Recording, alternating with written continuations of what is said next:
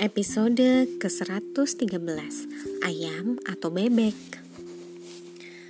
Berikut ini adalah cerita kegemaran guru saya, Ajanca, dari Thailand Timur Laut. Sepasang pengantin baru tengah berjalan bergandengan tangan di hutan pada suatu malam musim panas yang indah. Selesai makan malam. Mereka sedang menikmati kebersamaan yang menakjubkan tatkala mereka mendengar suara di kejauhan. Kuek, kuek. Dengar, kata si istri. Itu pasti suara ayam. Bukan, bukan. Itu suara bebek, kata si suami.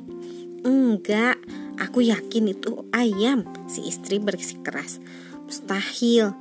Suara ayam itu kukuruyuk. Bebek itu kuek-kuek. Itu bebek sayang, kata si suami dengan disertai gejala-gejala awal kejengkelan. Kuek, kuek, terdengar lagi.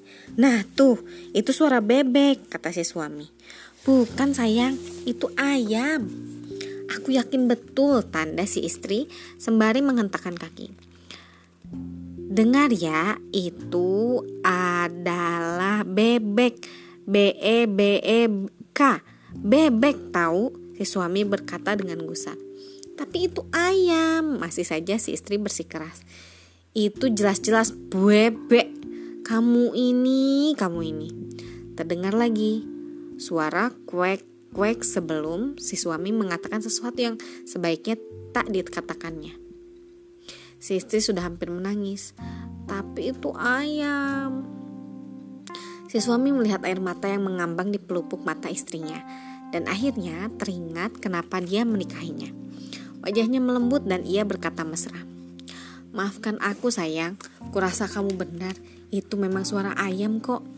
Terima kasih sayang, kata si istri sambil mengenggam tangan suaminya. Kuek, kuek, terdengar lagi suara di hutan, mengiringi mereka berjalan bersama dalam cinta. Maksud dari cerita bahwa si suami akhirnya sadar adalah siapa sih yang peduli itu ayam atau bebek? Yang lebih penting adalah keharmonisan mereka yang membuat mereka dapat menikmati kebersamaan pada malam yang indah itu. Berapa banyak pernikahan yang hancur karena gara-gara persoalan sepele? Berapa banyak perceraian terjadi karena hal-hal ayam atau bebek?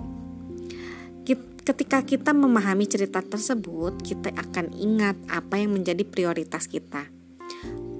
Pernikahan jauh lebih penting ketimbang mencari siapa yang benar tentang apakah itu ayam atau bebek.